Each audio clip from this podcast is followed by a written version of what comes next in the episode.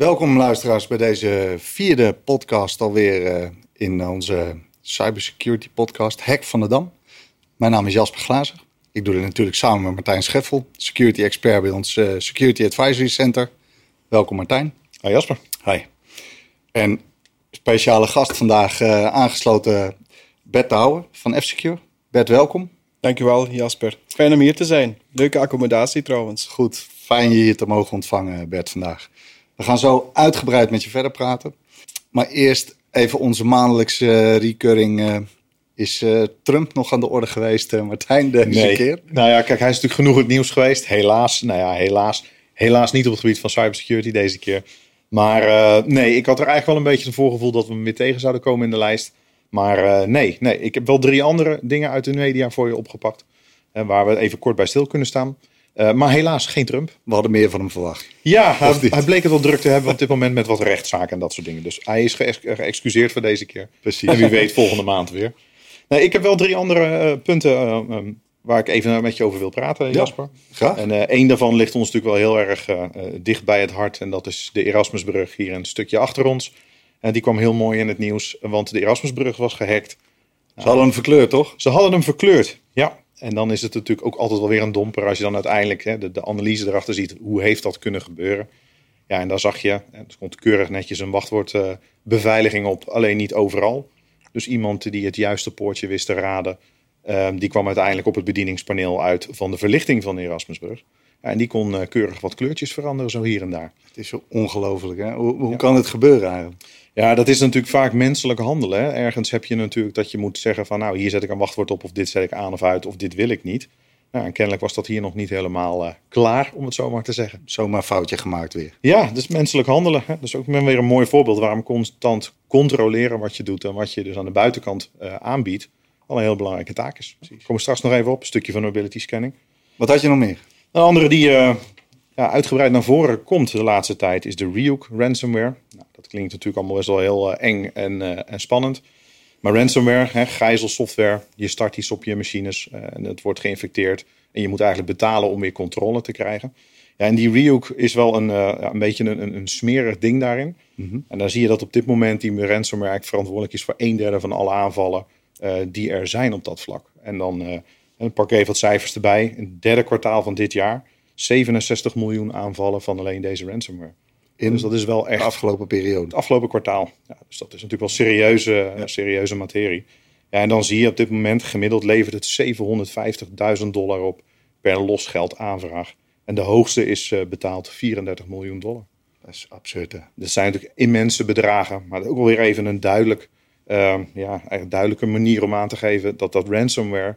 De aantallen nemen misschien af. Maar het wordt wel steeds uh, ja, de impact wordt steeds groter eigenlijk. Goed statement eigenlijk om wel. Uh, nou, het is iets wat we soms misschien denken: is het er nog? En, uh, en we zien ja. het natuurlijk anders dan dat we het vroeger zagen. Hè? Dan kwam het allemaal lekker per e-mail.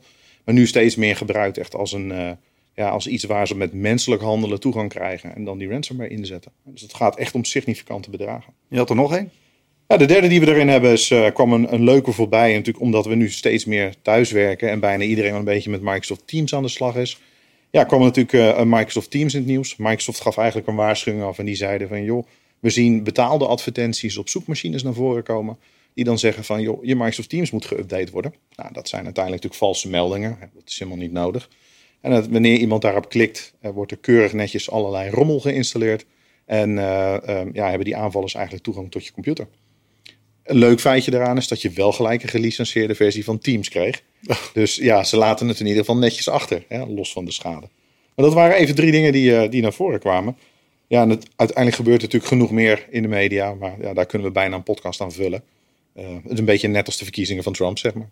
Nou, we gaan kijken wat er volgende maand uh, weer aan, aan cybersecurity dreigingen zeg maar, in de wereld hebben plaatsgevonden.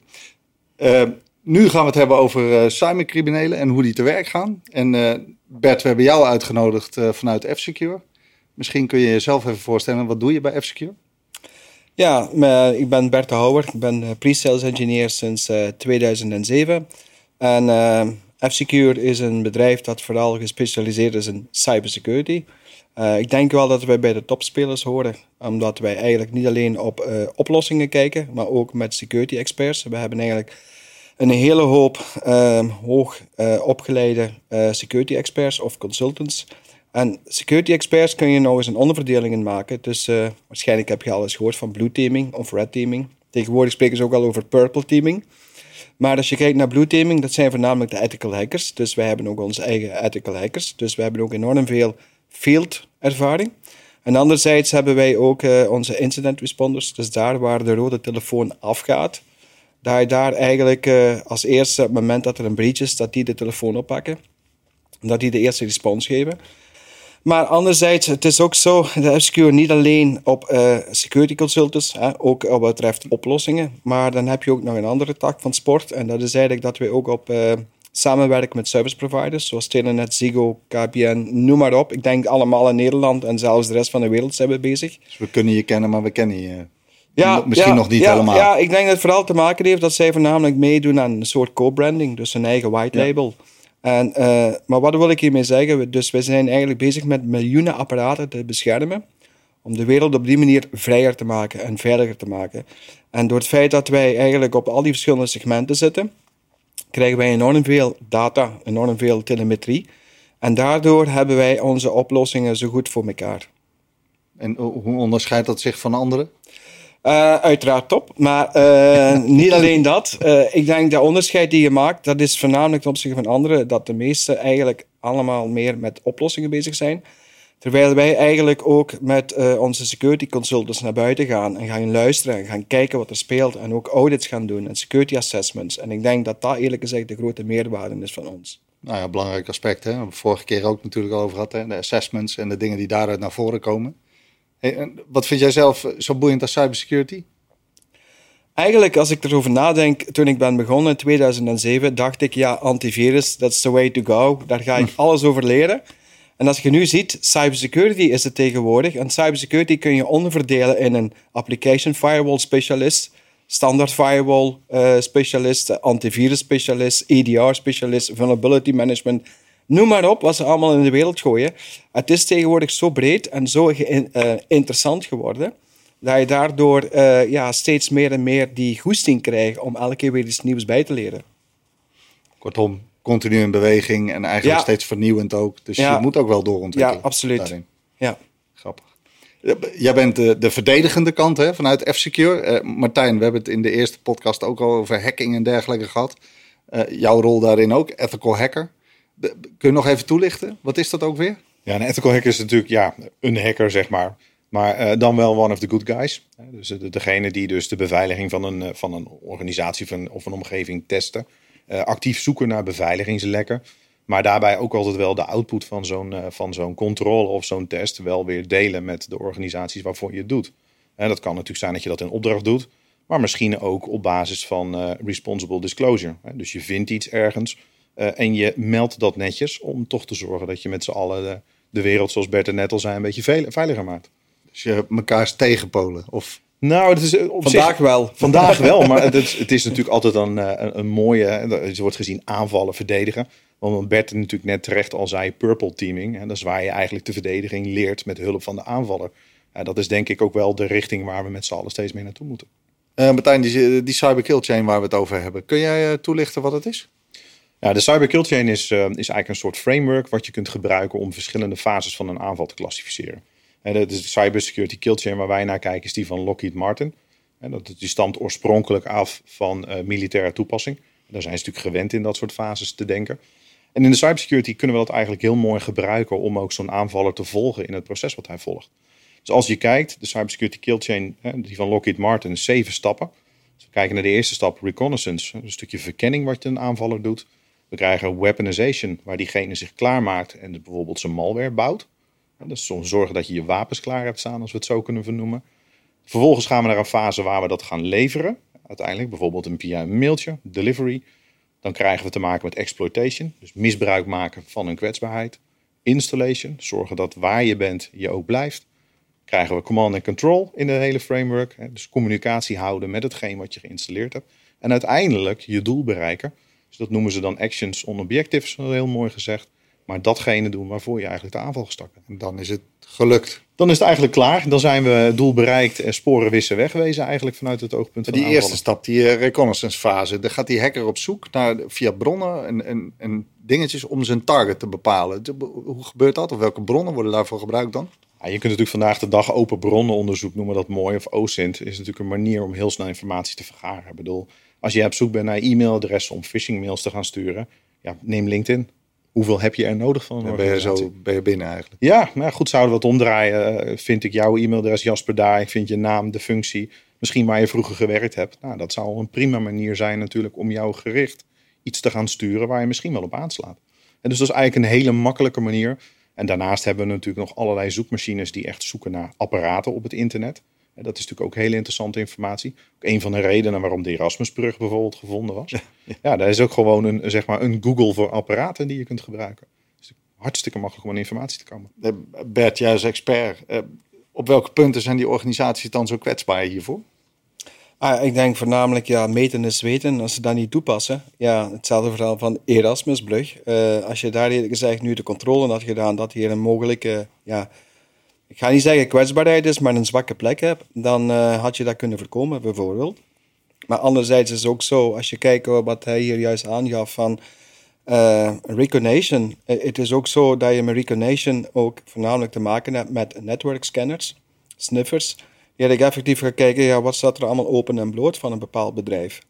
En dat je daar op die manier eventueel zou kunnen infiltreren. Die zoeken proactief naar gaatjes die ze kunnen vinden Ja, om eigenlijk, te ga komen, je, te dringen. eigenlijk ja, je moet weten, ja, wat zijn de kroonjuwelen? En als Ja. je één keer de kroonjuwelen hebt, dan ga je eigenlijk profileren. Dan ga je kijken, ja, met welk doel, of met, ja, hoe ga ik eigenlijk binnenkomen? En dan ga je eigenlijk op sociale netwerken kijken. Misschien meestal wat echt het beste werkt, dat is natuurlijk phishing. En met phishing moet je natuurlijk ook een zwakke element vinden. Meestal is dat wel de mens. We noemen dat ook de achtste layer. Hè? Je kent wel het OSI-model, zeven lagen, Ja, maar ja. En als je dan kijkt, ja, de zwakste plek, dan ga je kijken bijvoorbeeld wie werkt daar op LinkedIn, zoals je hebt. Op Facebook kun je ook heel veel achterhalen om iemand op een of andere manier emotioneel te beïnvloeden. En zodoende ja, kun je eigenlijk zeer gemakkelijk, eigenlijk iedereen kan je misleiden. Ik had nu onlangs iets met Marktplaats. Ik had een paar advertenties geplaatst. Zelfs ik als Belg, kan ik eerlijk zeggen. En ehm, in één keer kreeg ik van Marktplaats een melding dat ik mij een authenticatie moest doen met een, eh, een, een bank die ik moest benaderen om daar een 1 eurocent aan te betalen. Oh ja. ja. En uiteraard, ik was natuurlijk nieuwsgierig. Ik heb natuurlijk wat verder gekeken, omdat ik zelf een beetje wel security-minded ben.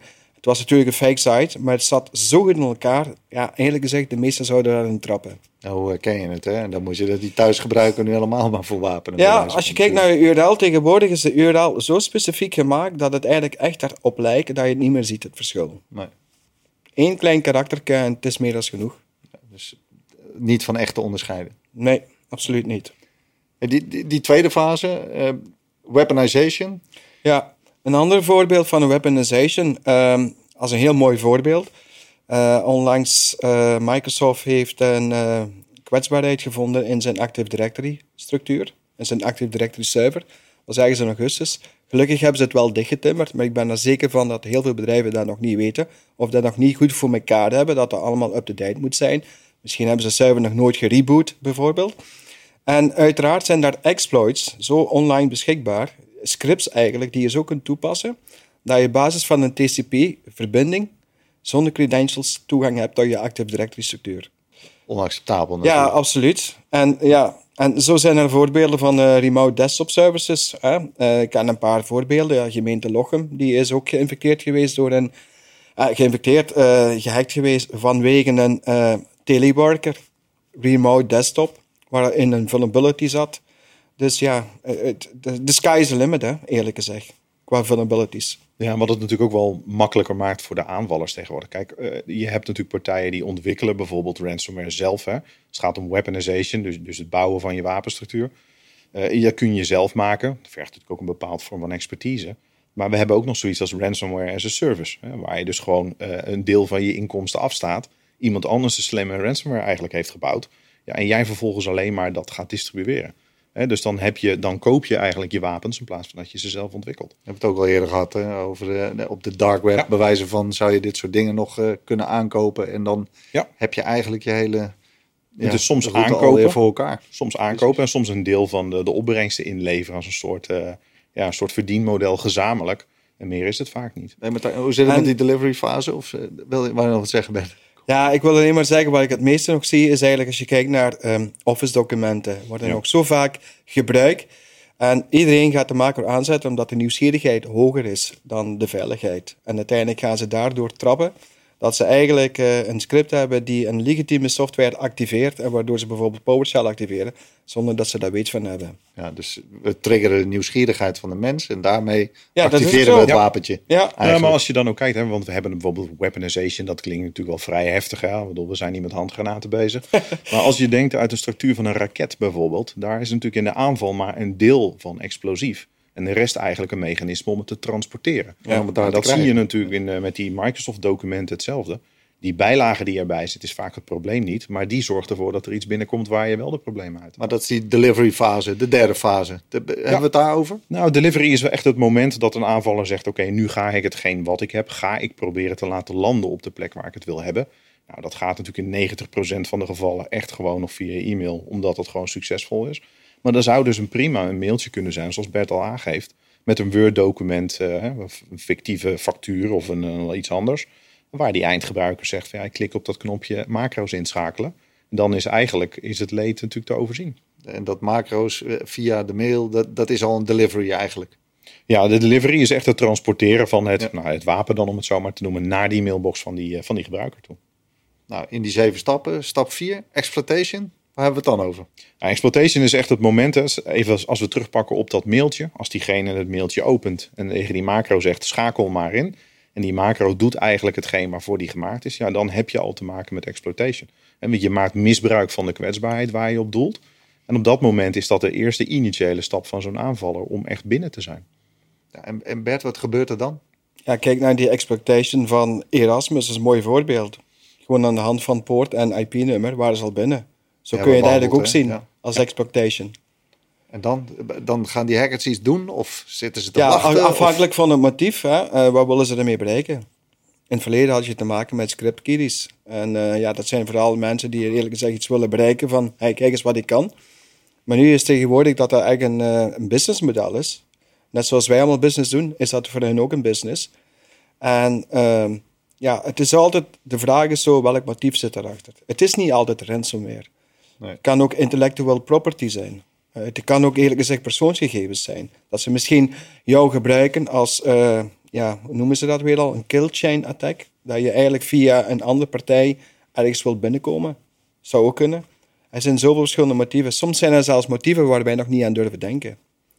We weten het eigenlijk nog niet zo goed. Ik begreep ook hè, dat, dat eh, hackers eigenlijk heel lang erover doen, of al heel lang al binnen zijn, voordat er daadwerkelijk iets door hen gebeurt. Hoe zie je dat? Ja, eigenlijk ehm, omdat F-Secure, zoals ik al zeg, ook niet alleen oplossingen heeft, maar ook ehm, effectief ehm, mensen ter plaatse heeft wat betreft een forensisch onderzoek. Je moet het zien als een plaats van misbruik, van, van incident of van een plaats van waar een, eh, een ongeval zich voordoet. Het eerste wat er gebeurt is alles in een soort eh, quarantaine te houden, dat daar eerlijk gezegd de integriteit bewaard blijft van het incident. Dat zijn ook bij ons mensen die daar ter plaatse gaan en die gaan onderzoeken plegen. Maar wat zien ze dan eigenlijk? Dan gaat het eigenlijk over die bepaalde moment van inbreuk, van een breach of van een ransomware attack, die redelijk op grote schaal is. Wat zien ze dan eerlijk gezegd na een heel lang onderzoek? Dan zien ze eigenlijk dat die hacker al langer binnen is dan als ze durven denken. En dan spreken we van gemiddeld meer dan 100 dagen. Ik bedoel, meer dan 100 dagen. Dan hebben ze daar ruim de tijd om daar Ja. rond te snuffelen en, en dingen te doen. Ja, maar het gaat nog sterker. Ehm, tegenwoordig is het niet alleen ransomware, zoals ik zei. Soms is ransomware als eerste, maar hebben ze misschien ergens nog een tweede variant van, ehm, een, hoe zou je het zeggen, motief. Dat ze misschien eigenlijk ergens nog altijd onder de radar willen blijven. Zelfs als je betaald hebt, dat ze misschien zelfs daardoor nog altijd de controle blijven behouden in je omgeving. Nou, ransomware zie je natuurlijk ook vaak in meerdere varianten. Enerzijds natuurlijk als verdienmodel om af te persen. Anderzijds wordt het ook nog wel eens gebruikt om na een hack bijvoorbeeld snel sporen te kunnen verwijderen.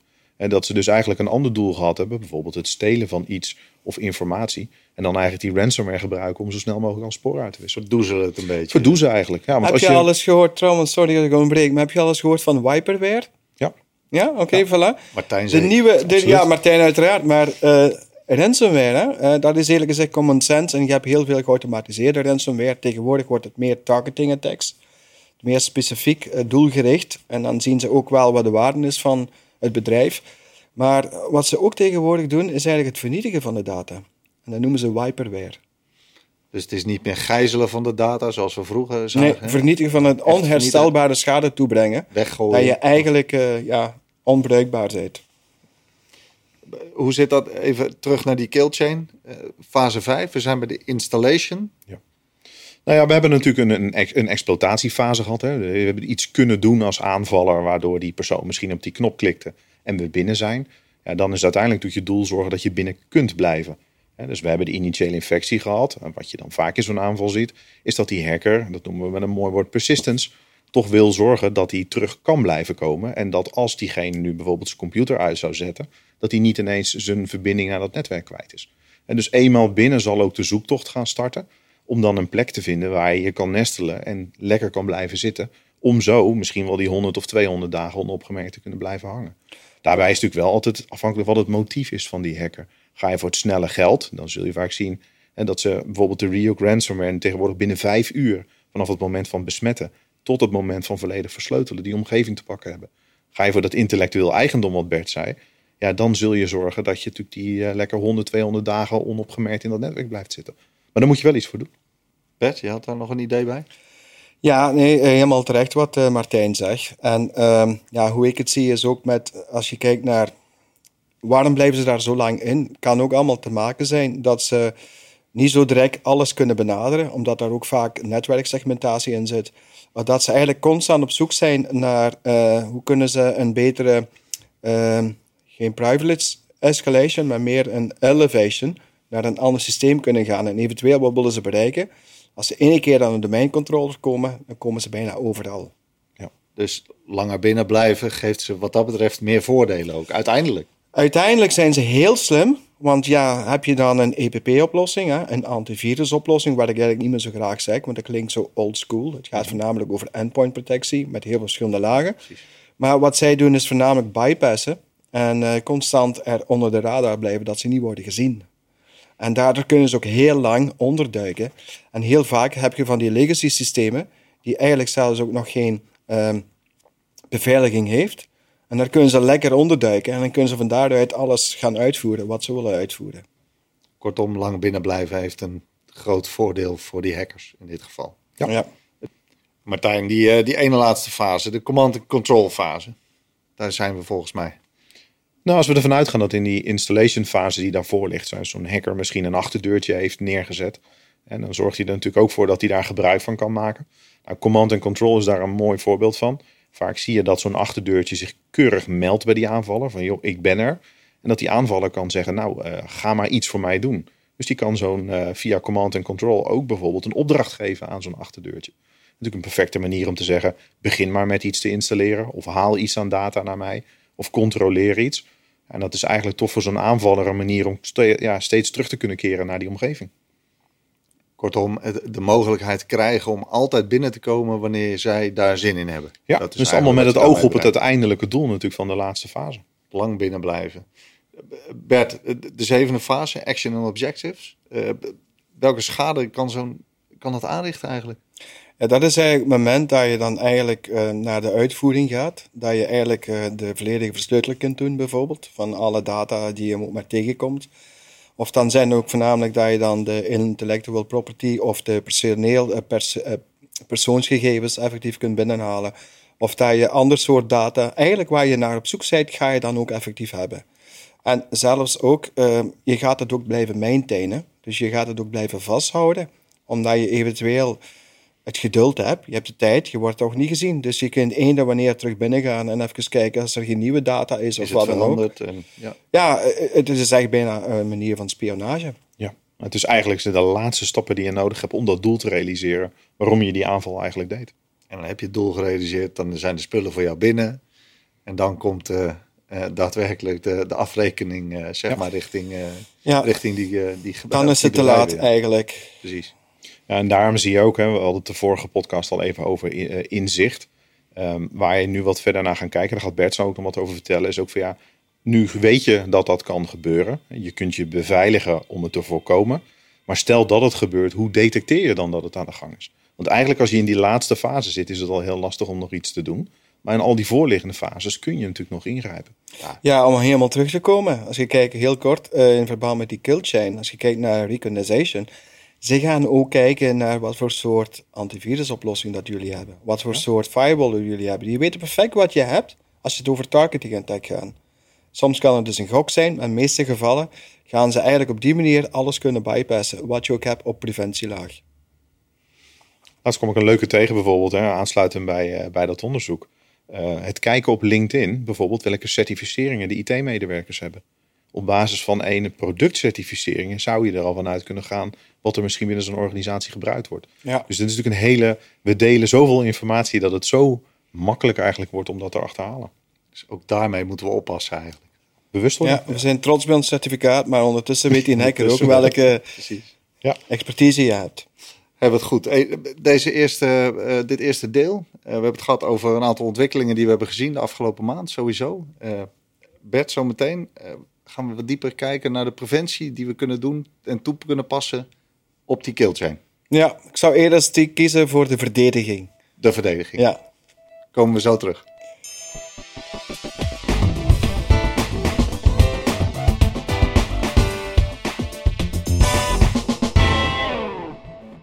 Luisteraars, welkom uh, terug bij deel 2 van deze podcast. Bert, thuiswerken in toenemende mate met, uh, met corona en noem maar op. Uh, en de persoonlijke apparatuur. Je moet het verdraaid druk hebben in jouw rol. Absoluut. En ik zeg je nogmaals, de stom komt nog niet uit mijn oren. Maar het speelt wel effectief. En we zien ook een verschuiving. Hackers weten dat ook. Dus die gaan sowieso kijken wat is de zwakste schakel. En ik denk thuiswerken wel een zwak element is vanwege het netwerk dat niet beheerd wordt door de systeemadministrator. En de, en de ja, bring your own device in kwestie zelf ook niet. Dus uh, daar is ook vraagtekens bij. Dus. Nee, veel home use producten in, in place, zeg maar, die ervoor zorgen eh, geen wachtwoordjes op die, uh, of juist wachtwoordjes die bekend zijn, whatever. Dat soort dingen, die kom je tegen natuurlijk. Ja, het is een verlenging van je bedrijfsnetwerk, maar terwijl het eigenlijk niet beheerd wordt door je bedrijf. Dus dat is wel een risico. Geen controle op. Hoe, hoe zie je dat? Uh, bij, bij F-Secure heb je daar een bepaalde visie op. Hoe, hoe zien jullie dat? Ja, als we het eigenlijk moeten kijken vanuit Gartner-optiek, dan kijken we eigenlijk naar kaders. En het eerste kader is bijvoorbeeld prediction. Uh, dus voorspellen eigenlijk. Uh, en dan als laatste, als, als tweede heb je dan uh, preventie. Dus eigenlijk voornamelijk hoe ga je zoveel mogelijk dicht timmeren. firewall en endpoint enzovoort. En dan heb je natuurlijk de twee andere kaders, dat is detectie en response. de ene heeft het andere nodig om te reageren. Dus detectie is effectief detecteren van een mogelijke inbraak. En, en response is natuurlijk ook een antwoord geven op zo'n inbraak. Even daarop inhakend. Het begint met inzicht. Ja. prediction. Ja. Hoe doen we dat? Ja, dat doen we voornamelijk met een tooling en dat is vulnerability management. Dat is iets waar je eigenlijk zo instelt dat je op regelmatige basis gaat kijken van wat heb ik allemaal in huis en wat voor devices zijn er dan allemaal. En uh, zit daar eventueel devices in die ik niet ken?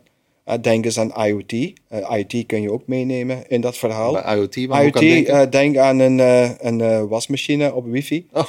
Of aan een koelkast Zelfs die kunnen gevaar opleveren dan. Of een uh, stofzuiger van Martijn bijvoorbeeld. En de oven van dus- Bert, hè? Ja. laten we die niet vergeten. Ja, nee, absoluut. Dus dat zijn uh, zaken die je zeker wel moet meenemen in het verhaal van uh, prediction.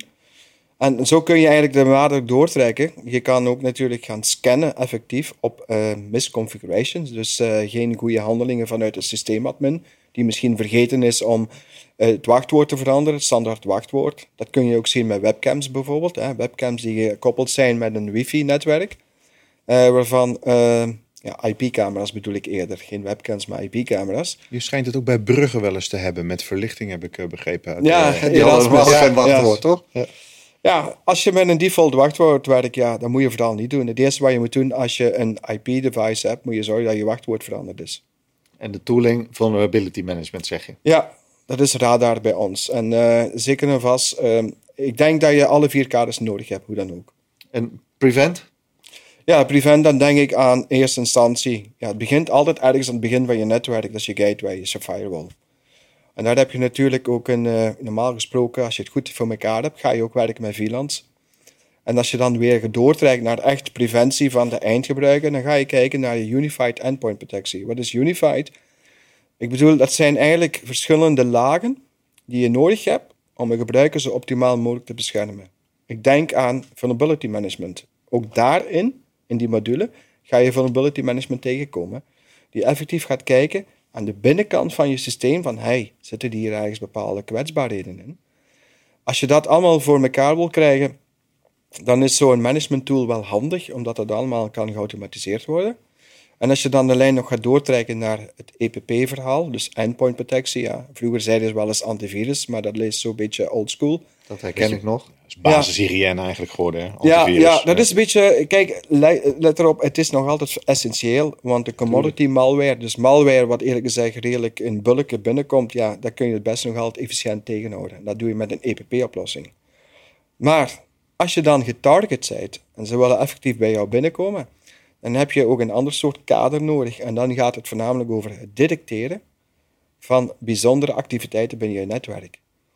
En dan heb je natuurlijk ook een reactie nodig, een dus respons. De detectielaag en je responslaag, ja, precies. Die vallen heel goed bij elkaar. En uh, dus na, na detectie komt respons. En dan kun je daarop reageren. Het gek is dat je daar eigenlijk ziet dat daar nog vrij weinig in gebeurt. De, de, meeste investeringen als het gaat om cybersecurity worden echt gedaan in het, in het, ja, het prevent deel. Dus voorkomen dat iets gebeurt. ja, je wil eigenlijk ook technologie daar hebben staan. Dat op het moment dat het gebeurt, ja, je dat toch in een stadium gewaarschuwd wordt dat je er nog op kunt reageren. En gelukkig kan dat tegenwoordig ook hartstikke goed geautomatiseerd. Als ik kijk ja, vanuit een bedrijfsoptiek en ik moet de beveiliging inzetten, dan kun je niet zonder die vier. Het is niet dat de ene zonder kan, je hebt ze alle vier nodig. Het is een keten die je inregelt. Als je echt voor optimale security kiest en je wilt zorgen dat je bedrijf buiten hackers blijft, dan is dat de optimale manier. Dus prevent, detect, response. En dan hebben we het voor elkaar. En predict. Predict, Absoluut. vanzelfsprekend. Ja. Dit gaat over de tooling uh, van cyberbedreigingen. Maar die bewustwording is toch nog wezenlijk van belang daarnaast? Tuurlijk. Dan heb je voornamelijk te maken met uh, awareness. Dus uh, die bewustwording is zeker cruciaal in de hele rollen. Maar je weet ook, je maakt de mensen honderdduizend keer zeggen, je mag dat niet doen. En een keer gaat het toch gebeuren. En dan moet je eigenlijk kunnen rekenen op goede tooling. En vandaar dat je die vier kaders nodig hebt om je daartegen te bewapenen. Ja, en ook die bewustwording is natuurlijk ook een heel proces. Hè? We hebben natuurlijk in de vorige podcast hebben we gekeken samen met uh, Erik Lameijer van Schouten Zekerheid hoe zij dat ingeregeld hebben. Ja, en daar zie je dat dat ook niet echt een kwestie is van alleen een stukje tooling. Hè? Het is een proces wat je moet borgen in de organisatie om die mensen constant bewust te maken van wat er gebeurt. De ene keer met een phishing mailtje, de andere keer misschien met een, telefoon, eh, een, een telefoontje of een cameraploeg. Of je verzin het zo gek maar. Maar het is echt een proces waar je aan moet denken. Ja, we hebben er uitgebreid over gesproken natuurlijk. En die bewustwording is een, eh, een wezenlijk belangrijk aspect naast al die tooling die je kunt inzetten. Ja, en in het inzicht, hè, als je bijvoorbeeld ook kijkt, uh, inzicht door middel van tooling is natuurlijk heel makkelijk. Want je kunt het automatiseren. Je kunt het iedere dag vanzelf laten doen. Maar ook bijvoorbeeld inzicht door middel van een technical scan of een assessment om al die lagen van die beveiliging eens door te lopen met een organisatie en te zien of het allemaal op orde is. En moet dus je eigen werk controleren. Ja, het is enerzijds tooling. Het is anderzijds natuurlijk ook het proces omheen hoe je de tooling beheert en ermee omgaat. Uitgebreid verhaal. Predict, prevent, detect en response. We hebben het erover gehad. Ehm, we gaan zo de luisteraars, denk ik, wat tips voorzien. Kunnen we dat in het derde deel doen? Nou, dat zou natuurlijk wel mooi zijn dat naast de problemen die we roepen, we ook natuurlijk een beetje de ondernemers kunnen helpen. Geven ze wat handvatten waar, eh, waar ze mee uit de voeten kunnen. Ja. Zijn we zo terug.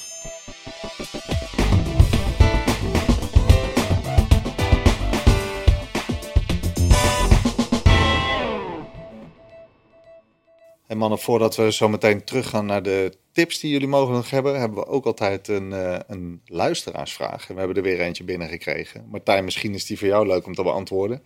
Ik kijk even, die gaat over uh, het feit dat er veel partijen altijd betrokken zijn bij IT-omgeving. Dat zijn in een IT-omgeving. IT-dienstverlener, uh, telecomleverancier, websitebouwer, uh, leveranciers van bedrijfssoftware.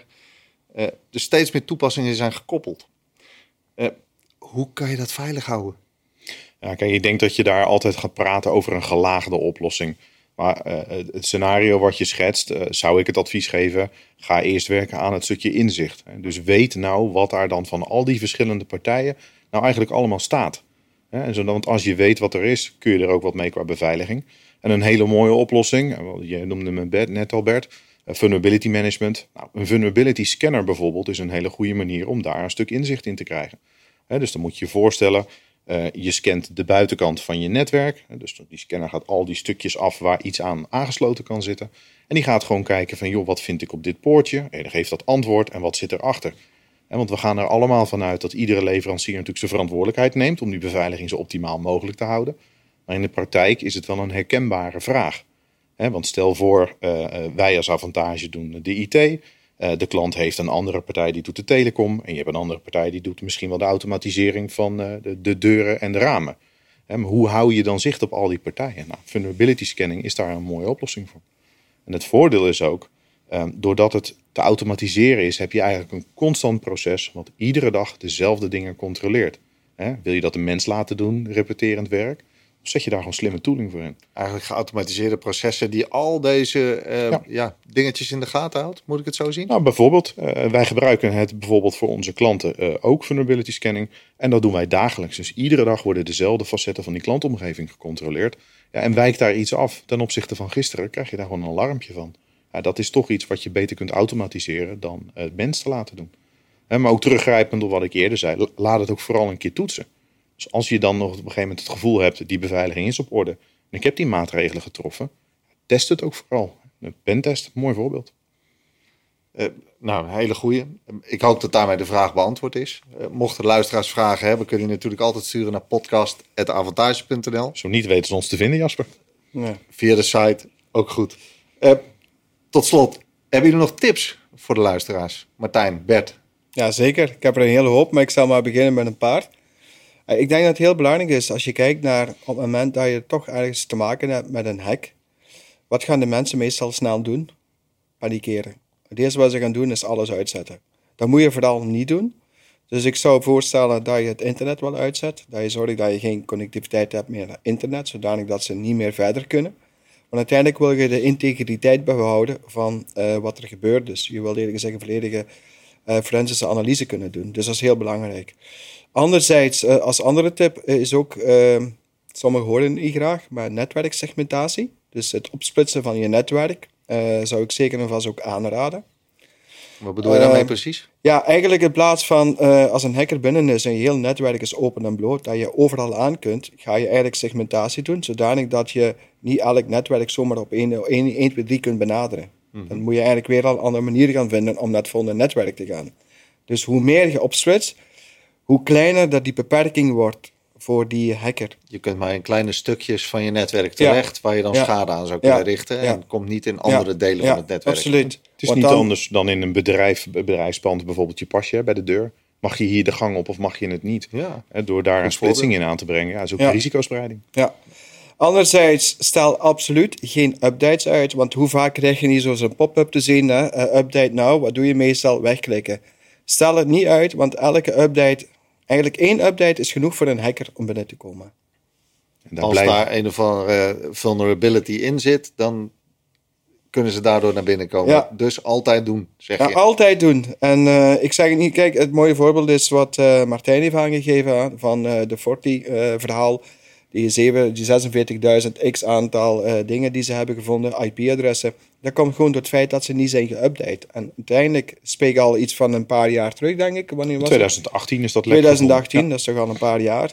Dus ja, ik zou zeggen updaten, updaten, updaten. En zorg dat het up-to-date blijft. En daar heb je ook een oplossing voor nodig. Dat is natuurlijk het scannen.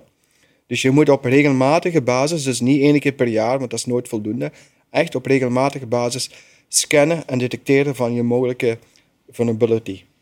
Wat vulnerabilities. Wat bedrijven wel eens onderschatten is dat Microsoft soms op één maand gerust 60, 70 beveiligingslekken dicht. En dus je kunt denken, ik heb één of twee updates en ik heb daar nu even geen zin in. Maar misschien zijn die twee updates verantwoordelijk voor het dichten van 60 lekken. En dat is misschien natuurlijk is daar toch ook nog wel de, het besef van uh, te weinig. Uh, het wordt vaak gezien als lastig. Hè? Dan ja, krijg je zo'n pop-up, ik moet herstarten, ik zit midden in mijn werk. Maar dat is, heeft ergens natuurlijk ook een soort, ja, het is ook een soort indicator eh, eh, of hoe ver mensen bezig zijn met, met die beveiliging, met die bewustwording. Nou, maar weten ze het ook echt? Dat Nou, er ik denk- beveiligingslekken Nee, worden. nee. Daarom, Dat is kijk, het, vanuit een, juiste, vanuit een gebruikersoptiek kun je dat dan niet kwalijk nemen. We zijn allemaal maar mensen. En vandaar ook dat je goede tooling nodig hebt die dat wel kan omzeilen of die dat wel kan forceren. Als een patch eigenlijk gezegd niet wordt uitgevoerd binnen 24 uur, dan wordt je geforceerd om die reboot te doen. Dat de computer herstart wordt, bijvoorbeeld. Anderzijds, en dat wil ik ook als laatste houden, voordat ik naar de laatste punt ga, last is always the best, zeggen ze. Ehm, als je het hebt over MFA, overal waar je multifactor authentication kunt aanzetten, doe dat gewoon. Zonder twijfel. Het is zo snel dat een hacker binnen is op basis van een simpele phishing. Dat ze door die multifactor authentication niet aanstaan, dat ze zo binnen zijn. Nou, ik ben blij dat je dat zegt, want het is inmiddels al in, de, in alle podcasts wel naar voren gekomen. Dat dit een van de belangrijkste items is die we kunnen Ja. aanbieden, zeg maar. Ja, maar- absoluut. Maar precies wat Bert ook aangeeft, patchen en MFA, het zijn misschien de meest voor de hand liggende methodes, maar het zijn wel de meest effectieve eh, maatregelen die je kunt treffen om zo iemand buiten de deur te houden. En- En, het, ja. het jammere is ervan dat MFA, en dan kunnen we allemaal roepen dat het heel belangrijk is. Nou, wij zien in de praktijk natuurlijk ook de gevallen waar zo'n hack plaats heeft kunnen vinden, juist omdat MFA niet ingeschakeld was of niet juist. En het is gewoon zonde als je ziet wat de schade is voor zo'n MKB-ondernemer.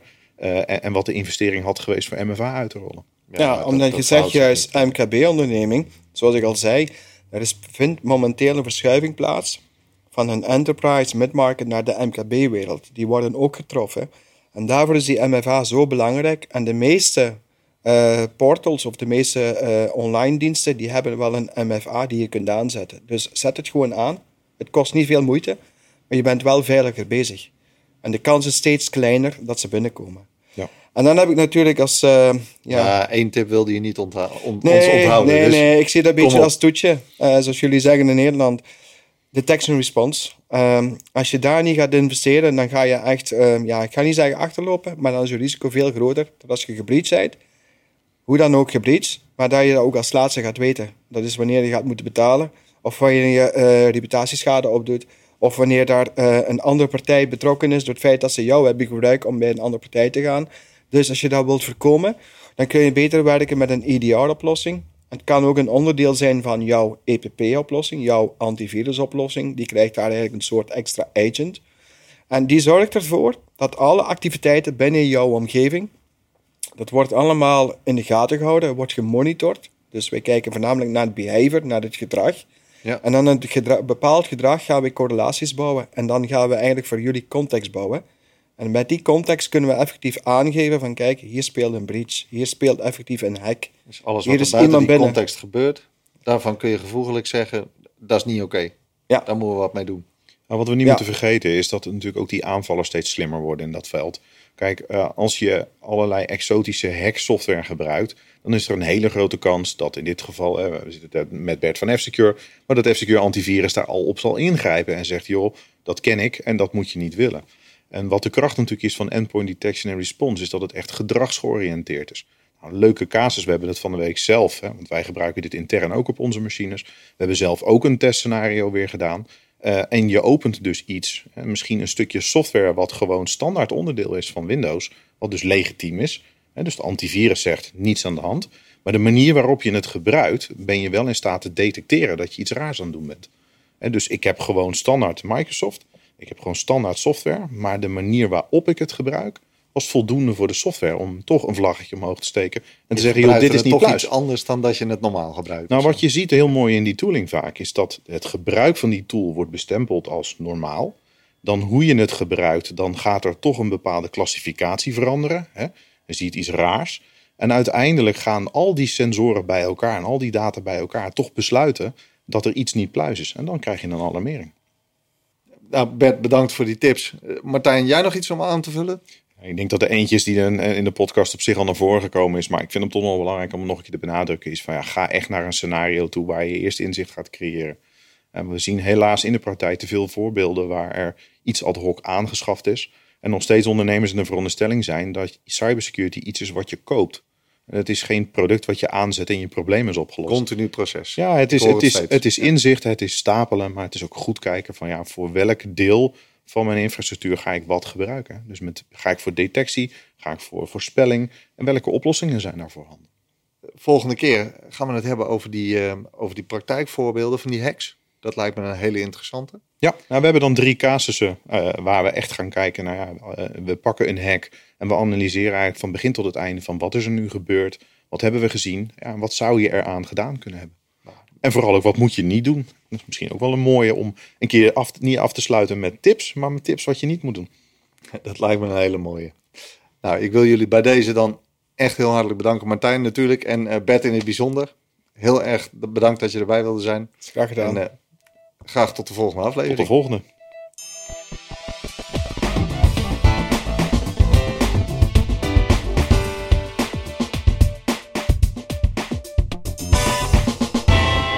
Deze podcast wordt je aangeboden door Avantage. Avantage makes IT simple.